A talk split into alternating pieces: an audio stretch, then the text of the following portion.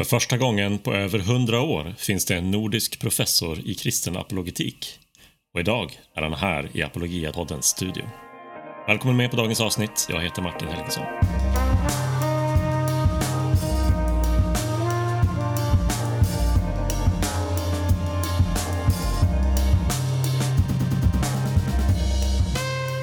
Ja, Eh, äntligen är vi tillbaka med ett nytt avsnitt av Apologia-podden efter några hektiska veckor då eh, podden har fått stå åt sidan. Några saker som har hänt i Apologia sedan dess är att vi har släppt en trilogi av Francis Schaeffer och eh, jag kan verkligen rekommendera er att kolla in den i vår webbshop och kanske provläsa något kapitel om ni behöver innan ni beställer den.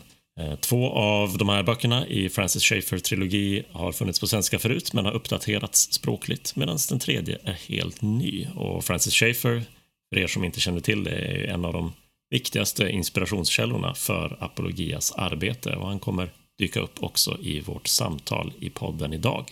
Eh, det var det jag vill tipsa om från Bokförlaget. Jag ska även säga att den 7 mars är det dags för nästa Apologia Live. Då har vi fått med oss eh, Dr. Daniel Strange, teolog och ledare för ett, eh, ett teologiskt seminarium kan man säga som heter Crosslands Training och Daniel Strange har bland annat skrivit en bok som heter Making Faith Magnetic. Alltså att göra tron magnetisk. Det handlar om dragningskraften i eh, den kristna tron i evangeliet som eh, eh, faktiskt finns för alla människor och alla kulturer om vi bara lär oss att lyssna, lär oss att tänka igenom vad säger egentligen budskapet om Jesus in i det här området, in i den här strävan eller längtan som vi ser omkring oss. Och Dan Strange kommer till Apologia Live för att prata just om, om utifrån den boken och ge oss hjälp i hur kan vi ta vara på och använda oss av evangeliets dragningskraft eh, för att eh, inbjuda människor till att verkligen undersöka Jesus på allvar. Så eh, passa på att boka in den 7 mars för Apologia Live Magnetic Faith med Dan Strange. Som ni anar av alla dessa ord på engelska kommer föredraget vara på, på engelska just. Eh, men Dan är lätt att lyssna på, så gör ett försök även om du är tveksam. Vill du sedan ställa frågor till honom så kan du göra det i text på svenska och eh, så översätter jag dem till, till Dan. Hoppas vi ses på Apologia Live den 7 mars. Nu kommer mitt samtal med eh, den första nordiska professorn i kristen apologetik på över 100 år. Plats i studion för Lars Dale.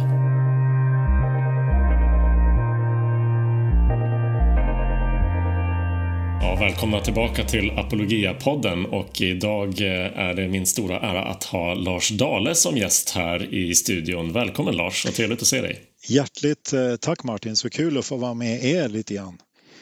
Och eh, för er lyssnare så kan det mycket väl vara så att man inte känner till Lars. Möjligen hörs det lite grann att han bosatt i Norge sedan många år, men Lars, du kommer från Sverige, visst är det så? Jo, det stämmer ju helt och hållet det och, och, det kan ju hända att jag kommer att landa på någonting mittemellan norska och svenska det när vi pratas vid här men, men ursprungligen så var ju svenska mitt modersmål helt och hållet och, och så har jag bott i Norge i, ja, i, i många år, i 30, 35 år och sånt där. Mm.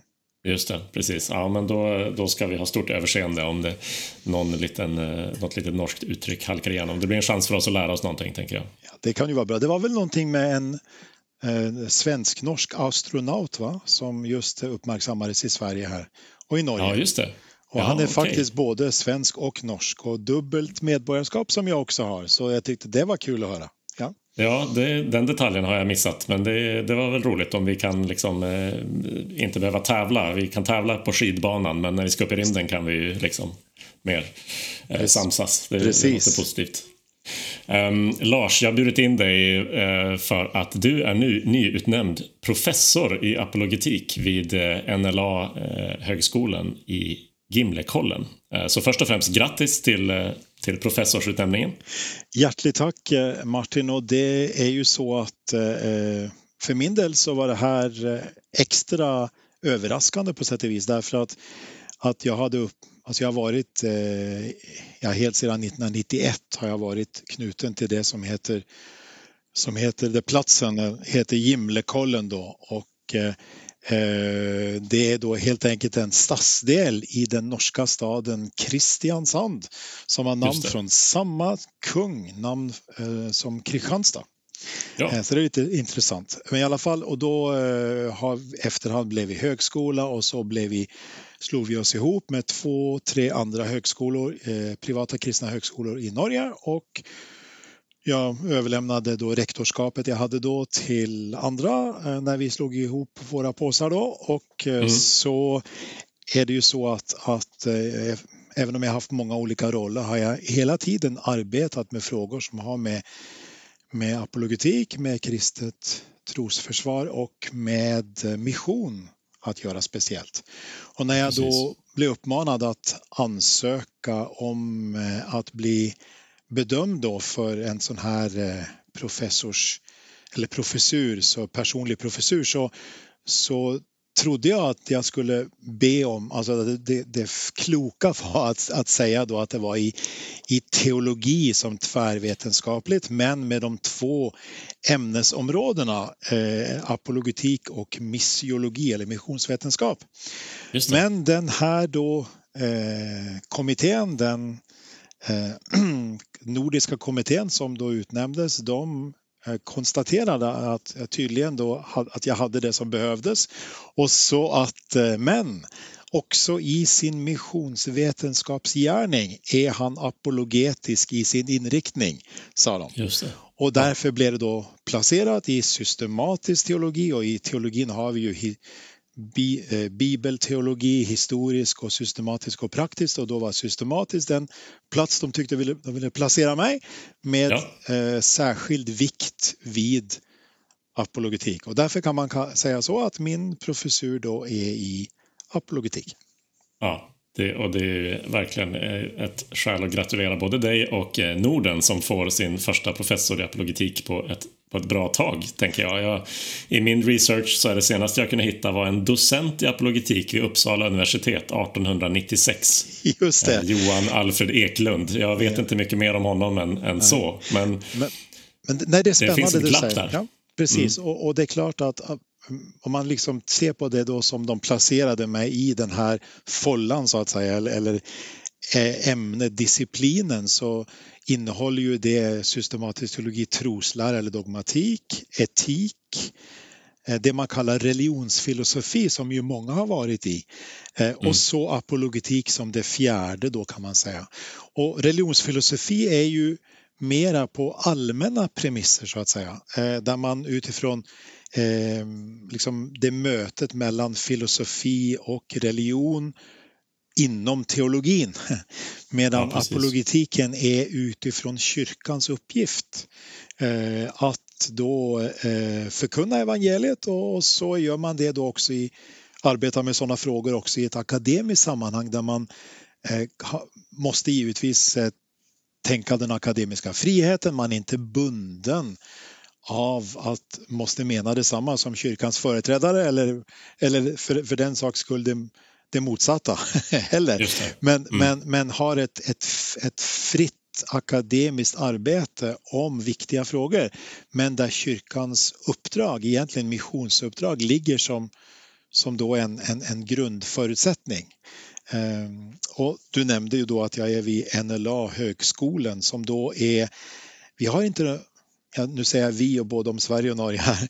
Vi, mm. har, in, vi har inte en motsvarighet i Sverige eh, eh, till det. Det är alltså en, en, en, ganska stor privat högskola ägd av eh, sex missionsorganisationer och en eh, frikyrka. Eh, den är luthersk eh, i sin prägel, man kan väl säga teologiskt evangelikal också det, i sin prägel. Och totalt sett då är det frågan om 300 anställda och 2600-700 studenter. Mm. Eh, på nu fyra platser i Norge, Oslo, Bergen, Kristiansand och nu också Trondheim från hösten. Ja. Eh, så det är spännande och meningsfullt och så betyder också det att många av våra studenter då har, har studerar helt allmänna ämnen men nu där då läroplaner och, och undervisning är präglat av en kristen grundsyn. Till exempel där jag är på den våran campus då så har vi både journalistik som jag har varit ganska mycket engagerad i tidigare och vi har interkulturella studier och vi har nu också ett ekonomistudium som har sitt namn ifrån en av Norges eh, stora söner, Hans Nilsen Hauge, cirka 1800 som präglade norsk kyrkoliv och samhällsliv på ett mycket, mycket viktigt och, och grundläggande sätt. Så, så därför så är det spännande att vara just i det sammanhanget och faktiskt har vi nu eh, på NLA högskolan för tre år sedan så fick vi eh, fullständigt kant, den hela kantiol alltså svenska teolkant. Men ja, kantiol är ännu längre utbildning, det är faktiskt sex års utbildning i Norge. Mm. och prästutbildning också, rättigheterna till det. Så vi Enligt gamla sätt eh, att uttrycka på så är vi då den fjärde fakultet, teologiska fakulteten i Norge. Mm. Ni har, ni har ganska många strängar på er lyra nu då med Just olika, det. liksom väldigt bredd i utbildningar. Precis. Um, det var mycket det du sa där som, vi, som jag hoppas vi kan komma tillbaka till. Vi ska prata lite eh, om din personliga resa med apologetik och, och sånt där och, och lite grann apologetiken just som utifrån missionsuppdraget. Men, eh, men jag eh, tänkte stanna lite till bara just vid den här akademiska sidan. Så vad, vad betyder det att apologetik på det här sättet får akademisk status med en professur, eh, tänker du? Och vad, har du några särskilda liksom, målsättningar eller ambitioner att det här skulle du vilja verka för eller så som, som professor i apologetik? Det, det, är goda frågor Martin och jag tycker fortfarande det är så pass nyligen det här skedde i, i oktober så jag fick själva mm. utnämnandet då. Eh, eh, styrelsen är det ju som har vid högskolan har myndighet och utifrån den sakkunniga kommitténs utlåtande och då jag är fortfarande i reflektionsfasen här och tänker vad det betyder men, men låt mig bara tänka högt lite grann och, och då tänker jag då att kanske betyder det att ja, det här området som har med den kristna trons trovärdighet och relevans. Ja, det är ett område som man behöver forska på. Ja. Eh, det är i alla fall en sak det betyder. Eh, dessutom betyder det ju uppenbart också att eh, det har med kommunikation att göra. Så, så det, är, det är viktigt att arbeta också akademiskt med frågan om den kristna trons kommunikation eller kommunikation av den kristna trons trovärdighet och relevans. Eh, eh, vad betyder det? Hur ska man integrera det i förkunnelsen? Hur ska man integrera det i själavården? Hur ska ja, man precis. integrera det i diakonin? I det att utveckla församlingar eh, på ett naturligt sätt. Eh, och så tror jag också, så det gäller alltså en tredje område, alltså för det första den teologiska djuparbetet kan man säga, och så kommunikationsfrågan.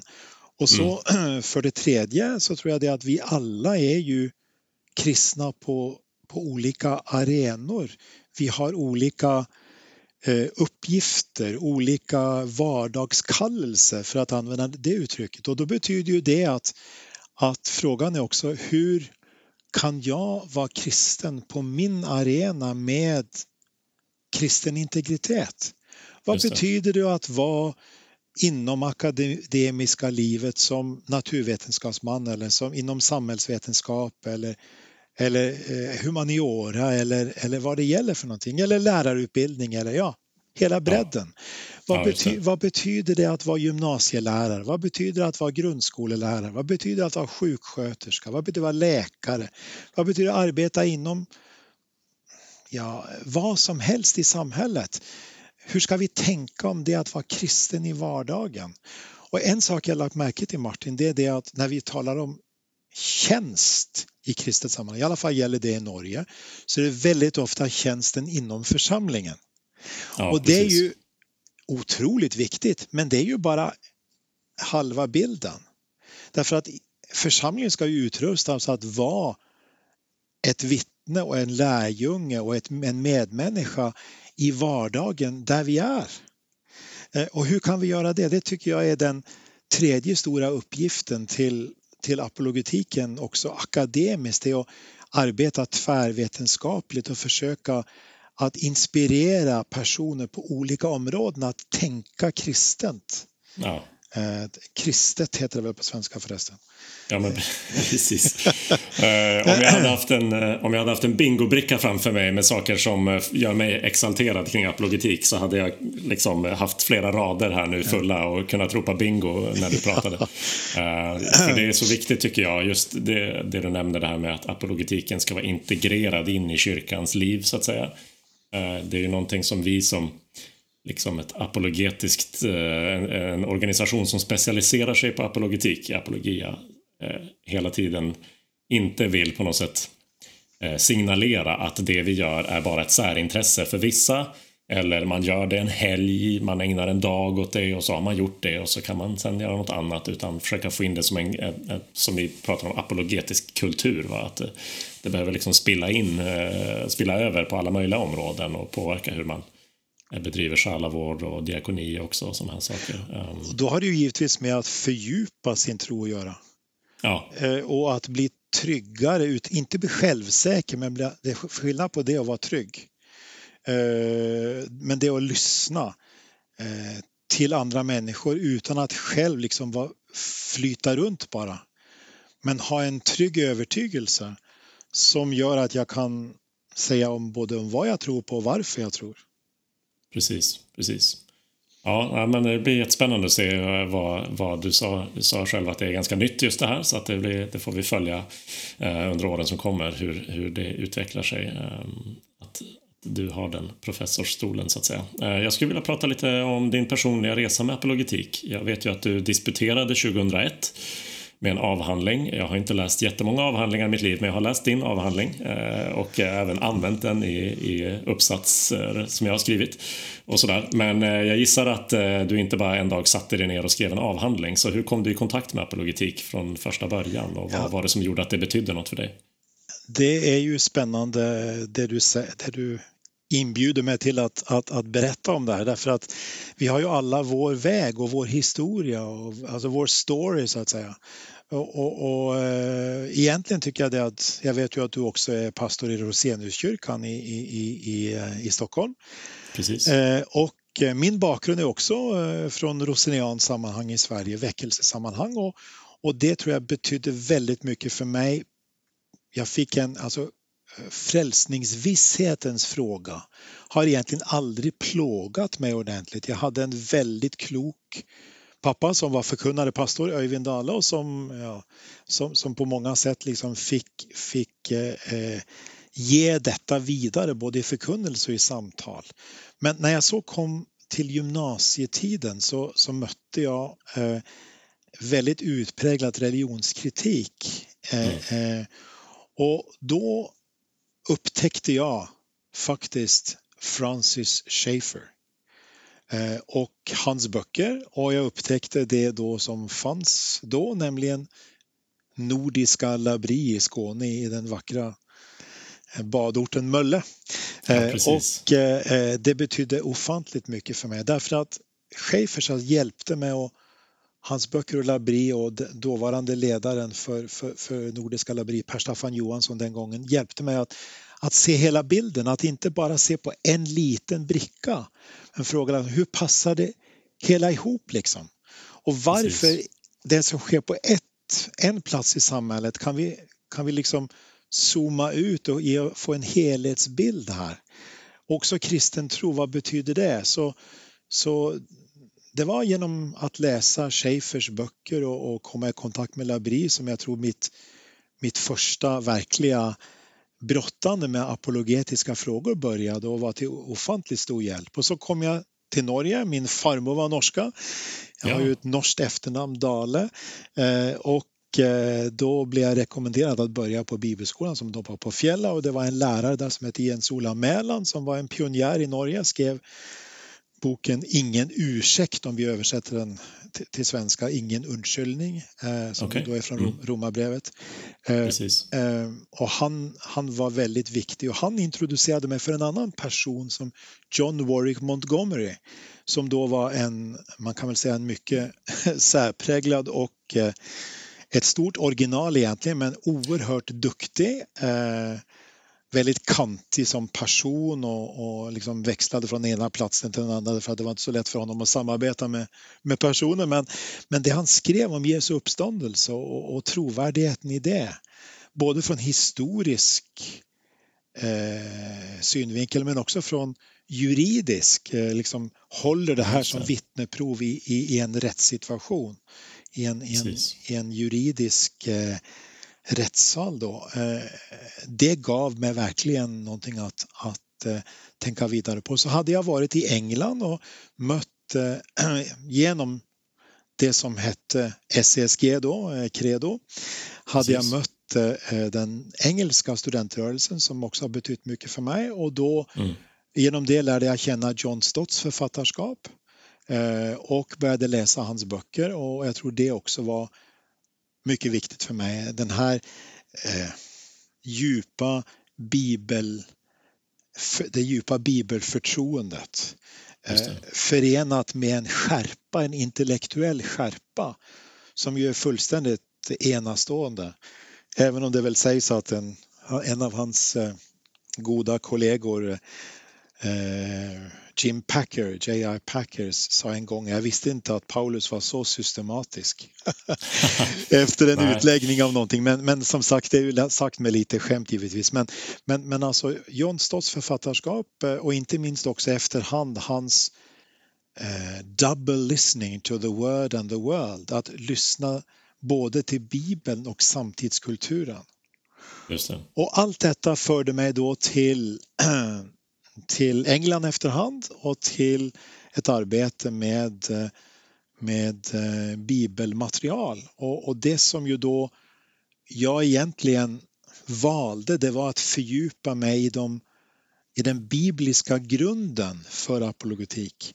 Både, inte bara uppmaningarna men, men mitt val blev då Apostlagärningarna 17 och Paulus i Aten och jag upptäckte mer och mer hur det passade in i den stora bilden i Apostlagärningarna, den stora bilden Lukas Apostlagärningarna som, som liksom det dub, dub, eh, vad heter det, de två banden där som hänger ihop. Eh, och där, där, varför skriver jag detta, eh, säger Lukas? Jo, därför att visa hur trovärdigt det är, det som du Precis. har blivit undervisat i. Så, mm. så det är trovärdigt i sin, som en historia, alltså historieberättelsen. Det är trovärdigt i sitt innehåll. Men det är också trovärdigt att, att satsa livet på det. Så, så därför så blev mitt, mitt eh, apologetiska, alltså avhandlingen blev då, fick, fick ett eh, överskriften så Paulus i Aten, den, den texten då, An apologetic model then and now? frågetecken. Så hur var det, vad, vilken avsikt hade Lukas med att ha det i sin berättelse? Ja. Vilken avsikt hade Paulus när han kom till Aten och på vilket sätt kan vi använda detta idag eh, som en modell? Eh, och det var liksom det som jag arbetade med då. Precis, jag tänker att det är ju en, det är en väldigt eh, naturlig startpunkt på något sätt om vi nu eh, tillbaka till det vi, vi sa just om professuren så här. Det har funnits ett glapp i, i jag vet, svensk och kanske likadant i Norge då, men i kristenheten så att säga. Man har inte jobbat med apologetik så seriöst eh, eller så, så fokuserat eh, så att säga eh, i någon större skala. skala. Och, och att då börja med det bibliska materialet och se finns det inte bara hjälp att få utan bara också en, till att börja med en grund för att det här är något vi borde hålla på med är naturligt. Och eh, ett, ett nyckelstycke då i, i avhandlingen här som jag eh, försökte översätta till svenska, eh, för det var kompakt nog ändå tänkte jag.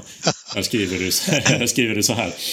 Denna avhandling hävdar att Lukas i Apostlagärningarna 17, då vers 16 till 34, presenterar en apologetisk modell från apostolisk praxis med betydande konsekvenser för apologetik i jämförbara sammanhang. ordet agora fanns med där också, torg.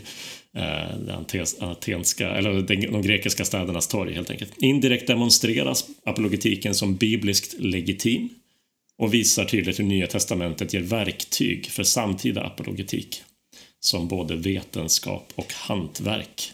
Eh, det var ju ett, en, en eh, liksom, finns mycket där eh, vi kan plocka upp. Men så, så just det här ordet modell då. Om du skulle försöka i korthet beskriva den här Areopagen-modellen som mm. Paulus levde ut och som Lukas nedtecknade för eh, Teofilus och indirekt för, eh, för alla läsarna av apostlärningarna. Hur ser den modellen ut, tänker du? Mm. Ja, det är ju härligt att höra någon som har läst det man har skrivit, vet du. det är ju det är inte dåligt. Ja. Den modellen är på sätt och vis, alltså den rör sig från points of contact, anknytningspunkter till det man kan kalla spänningspunkter. Det betyder att det är i alla fall en viktig del av detta. Hur kan man alltid tänka på detta sätt? Det vill säga att det alltid finns något att bekräfta. Ingen människa lever bara på en lögn. Eh, och om vi då glömmer att bekräfta vad som är sant och riktigt i andra trosuppfattningar, i livsåskådningar utanför kristen tro eller i, bara i, i, i, eh, ja, i den kulturen som omger oss, eh, mediebudskapen ja, som ju jag har arbetat ganska mycket med också, så, så, så ser vi ju det att det sker något, något felaktigt. Man, man, man, man, vi är inte ärliga då. Och samtidigt är vi andra sidan inte ärliga heller om vi säger att allt är detsamma och det är bara, liksom, det är bara samma sak. Nej, det är djupa skillnader. Och, ja. och, och då måste man också vara villig att, att liksom se noggrant och fråga vad är, vad är, var dyker spänningspunkterna upp? Var dyker liksom konflikterna upp också? Så, så det, och det intressanta när jag läste, ju mer jag läste av, av, av folk som då har arbetat mycket med texten såg jag att några la liksom huvudvikten vid anknytningspunkterna och andra vid spänningspunkterna av olika både teologiska och, och, filosofiska och kulturella orsaker. Och mm. För mig blev det så viktigt att vi måste ha med oss båda delarna. Um, en annan sak som ju är uppenbart, du nämnde Agora, torget här. Eh, eh, det är oerhört spännande att tänka. Jag är övertygad om att allt skedde på torget. Eh, man kom aldrig till den lilla höjden, tror jag, för, som heter Areos, Areos Pagos, alltså den, den krigsgudens höjd. Mm. För att det ger mening att man hade allt i, i pelargångarna runt agoran och, och, det var ju otroligt mycket liv där. Och, jag menar, det, var, det var utbildning, det var det var debatt, det var lek, det var spel, det var idrott, det var alltså marknad. Eh, Precis. Så, och då, om man tänker sig att Paulus vandrade runt där, där folk var, bara det i sig själv är ju viktigt. Eh, det är ju så ofta vi inte gör det som kristna, vi, vi, vi är liksom frånvarande från, från folks vanliga vardagsliv eller från, om man tänker i, där tankarna också präglas i mm. akademia och i, i, i medievärlden och inte minst då. Eh, och, och, och, så ser vi att Paulus har inspirerats av Gamla testamentet. Han är helt och hållet präglad av profeternas eh, eh kritik av avgudsdyrkan till exempel. Ja, Men förmedlar detta på ett sätt som är kulturellt sensitivt han börjar att bygga denna bro och så utmanar han dem efterhand. Och så ser vi att han inte citerar Gamla testamentet någon enda gång eh, direkt eh, och hänvisar inte till den auktoritet som då hade varit meningsfullt givetvis att göra i synagogan. Eh, eh men han, allt han säger är i enlighet med också Gamla testamentet. Eh, så det är inget, det är inget, eh, det är ingen, eh, inget brott, ingen, ingen av, inget avstånd. Tvärtom så är det spännande kopplingar både till Jesaja 40 och, och framåt och till Jeremia och, och andra platser där, där vi ser att, att profeterna använder en ganska djuplodande kritik som har att göra med vad, vad hjärtat får är. Vad är hjärtats förtroende? Var har vi fäst det någonstans? Var, var har vi knut, var, var någonstans knyter vi det? Var någonstans anknyter vi till, till, till, till, till någonting som ger oss en djupare mening och ett, ett, ett, ett verkligt liksom, liv som öppnar sig? Så, så det tror jag också är en del av modellen här att Paulus klarar att bygga bro och vara på deras eh, planhalvdel så att säga.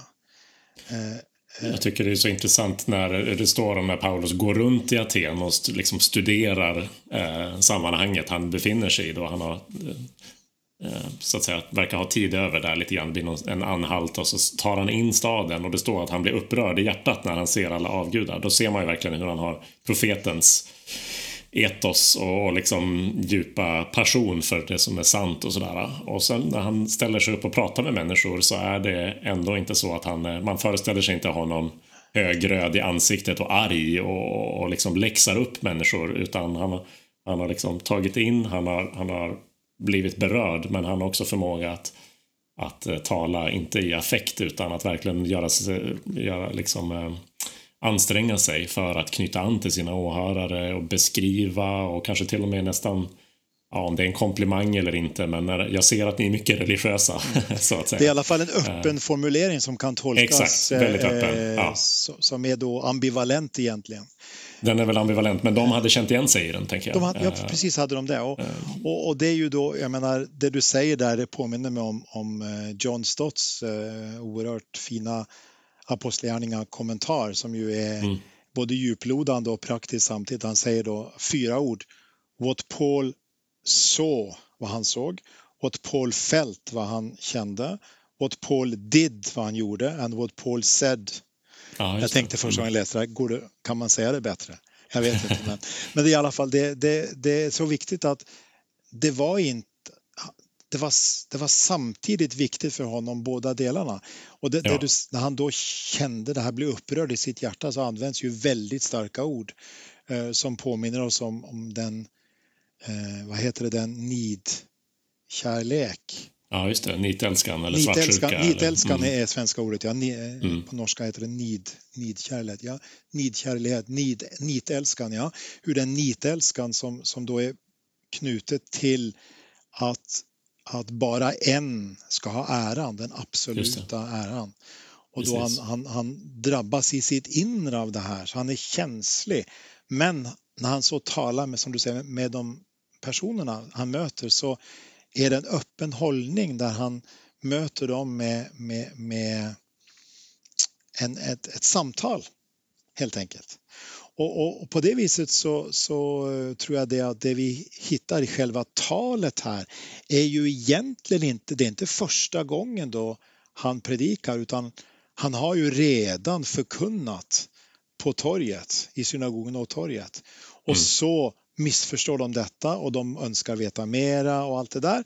Och så blir han inbjuden till att presentera och så hittar vi då, så vet vi att han antagligen fick några dagars förberedelsetid och så hittar vi då, förstår vi att han, han, han har den här otroligt gen, eh, fantastiskt eh, sinnrika konstruktionen av, av, av, sin, sitt tal då. Som ju, givetvis då inte är en predikan i så här församlingsavseende men som är ett tal, ett retoriskt genomfört, genomreflekterat tal och, och, där vi kan lära mycket. Så liksom att han börjar med anknytningspunkter och vandrar vidare till spänningspunkter. Att han inte då hänvisar till, till Gamla Testamentet som auktoritet men, men hela tiden lever i den världen och bygger bro och översätter. Det påminner mig om Alistair McGrath som väl har besökt Sverige också eh, för inte ja. så länge sedan på Apologia ja, konferens tror jag. Eh, mm. Och han, han talar om att apologetik både är defending, försvar, commending, alltså att rekommendera, att det ligger något av det förklara också. Och så translating, att översätta. Mm. Eh, så hela det man kallar kontextualisering, att, att man står in, inför olika sammanhang eller kontexter och behöver översätta detta. Eh, det samma budskapet behöver översättas på nya sätt. Precis. Precis. Ja, eh, det är en kontinuerligt en, liksom en, en, text att återkomma till ofta om man håller på med apologetik och att inspireras av och man kan upptäcka eh, nya detaljer gång på gång. Sådär. Um, jag tänkte som sista del i vårt samtal idag Lars att jag skulle ge dig sådär på engelska som man säger en soapbox eh, som du får kliva upp på och så får du ge oss eh, några, några råd eller kanske spaningar eller utmaningar, vi kan kalla det olika saker men eh, Eh, eh, för det första tänkte jag höra vad du så att säga eh, till, till liksom kristenheten i stort. Vad tänker du just nu, 2024, är de viktigaste frågorna, utmaningarna, kanske, kanske även viktigaste insatserna vi kan göra för att ta tag i och förverkliga den här modellen, den apologetiska modellen och nå ut till, till vår omvärld? Eh, jag har en fråga till, men det blir, eh, vi tar det ja. Eh, när du svarar på den första. Det är ju en, en tack för in, inbjudan att, att tänka högt, Martin. Jag tror ju att vi, en av de absolut viktigaste frågorna har med integritet att göra. Alltså, kan vi hålla ihop saker och ting? Hålla ihop den kristna trosläran och den kristna etiken och det kristna livet. Och egentligen är ju apologetik en, ett försvar, att försvara och förklara både innehållet i vad vi tror på, vad vi är övertygade om, men också etikens område. Det är behov för en apologetik för etiken. Ja. Men det är också en behov för en apologetik för hur leva som kristen. Jag menar i ett bredare perspektiv som vi talade om tidigare som har med ämnesområden och har med, med, med tro och vetande och har med eh, yrke och tro att göra och har med relationer att göra och med, med hur, lever man, hur lever vi vårt liv. Så det är att hålla ihop det här och alltså för, min, för mitt, alltså personligen så tycker jag att, att den, den, den eh, reformations, alltså arvet från reformationen som talar om kallelsen på ett sunt sätt. Vi kallas först av allt till, till Gud och så kallas vi att leva för Gud, för honom. Och det är i den ordningen nåden kommer före tjänsten, före ja. vardagens uppgifter. Så, men att hålla ihop, för det vi ser, vi, vi lever i en tid där alltså både sekularisering, privatisering av tron och pluraliseringen, alla de här krafterna och globaliseringen också, gör att vi, vi så lätt blir splittrade. Och så understryks det, det accelereras av det digitala. Just det. På många sätt. Och då olika är liksom, identiteter på olika platser och sådana saker. Just det. Men egentligen, vi är de, alltså vi, vi är jag är Lars med de relationer jag har och med eh, som Kristi lärjunge och, och Kristi vittne och med, som medmänniska oberoende av var jag är någonstans. Så jag tror att frågan om integritet och hur kan vi hålla ihop det här för det vi ser att man, man skär loss bitar lätt. Till exempel när, när någonting då präglas av annat tänkande än det klassiskt bibliska. Till exempel inom sexualitetens område. Eller inom affärsområde eller inom eh, den personliga eh, livet eh, när det gäller det digitala och pornografi. Eller, alltså, allt det här är ju frestelse för oss alla. Och lever vi ärligt med detta så att vi, vi liksom ber om att få leva helt och mm. arbetar också i vårt där vi är var och en. Och det är väl fantastiskt att tänka oss att vi, vi är inte kopior men vi, vi är en massa enskilda personer i den kristna kyrkan som, som, som har var våra uppgifter och vi ska ju ut komplettera varandra. Vi ska, vi ska eh, vara för varandra eh, på, på Kristi kropp. Så jag tror att integritet och allt det som har med det att göra är en oerhört viktig fråga och man kan som sagt närma sig det från olika sidor men, men håller vi ihop den kristna trosläran, den kristna etiken och det kristna livet. Och här tror jag att apologetiken är, är oerhört viktig. Du sa ju det att bygga en apologetisk kultur, alltså en kultur där det viktigaste är inte att nämna ordet apologetik i varannan mening, men att, att, att eh, eller var tredje eller fjärde, men att, att, man, att vår tro blir fördjupad. Att vi kan förtydliga vad vi tror på. Att vi kan, att vi kan eh, vara öppna medmänniskor som klarar av att vara sant i sann tolerans. Där, där liksom, det är inte så att man först ska vara ens, ens, överens och så ska man tolerera varandra. Det är utifrån att vi är olika och har olika övertygelser i ett samhälle som vi så tolererar. Eh, mm. Så allt det här hänger ihop tror jag. Att, att vara, mm. hur, hur, hur, hur styrker vi vår personliga integritet? Hur styrker vi församlingars integritet? Hur styrker vi eh, eh, också institutionernas integritet? Jag tror faktiskt det är oerhört viktigt. Mm. Mm. Tack, eh, det är mycket att ta fasta på där. Jag skulle vilja ställa en fråga till lite mer specifikt då till människor som um, ordet ung är kanske inte nyckelordet här, men till, till unga apologeter tänkte jag mig ändå så att säga. Någon som har upptäckt eh, man kan ju vara eh, ung om inte i ålder så kanske man är ny på apologetikens område så att säga. Men eh, i, i avhandlingen där fanns orden vetenskap eller science och hantverk då kanske, art så att säga. Så vilka råd skulle du vilja ge till någon som precis har upptäckt apologetik och så vill man växa både i så att säga eh, Eh, vetenskapen av det, man vill lära sig mycket. Hur lär man sig på ett bra sätt? Och för det andra, hur, hur växer man och utvecklas man i hantverket?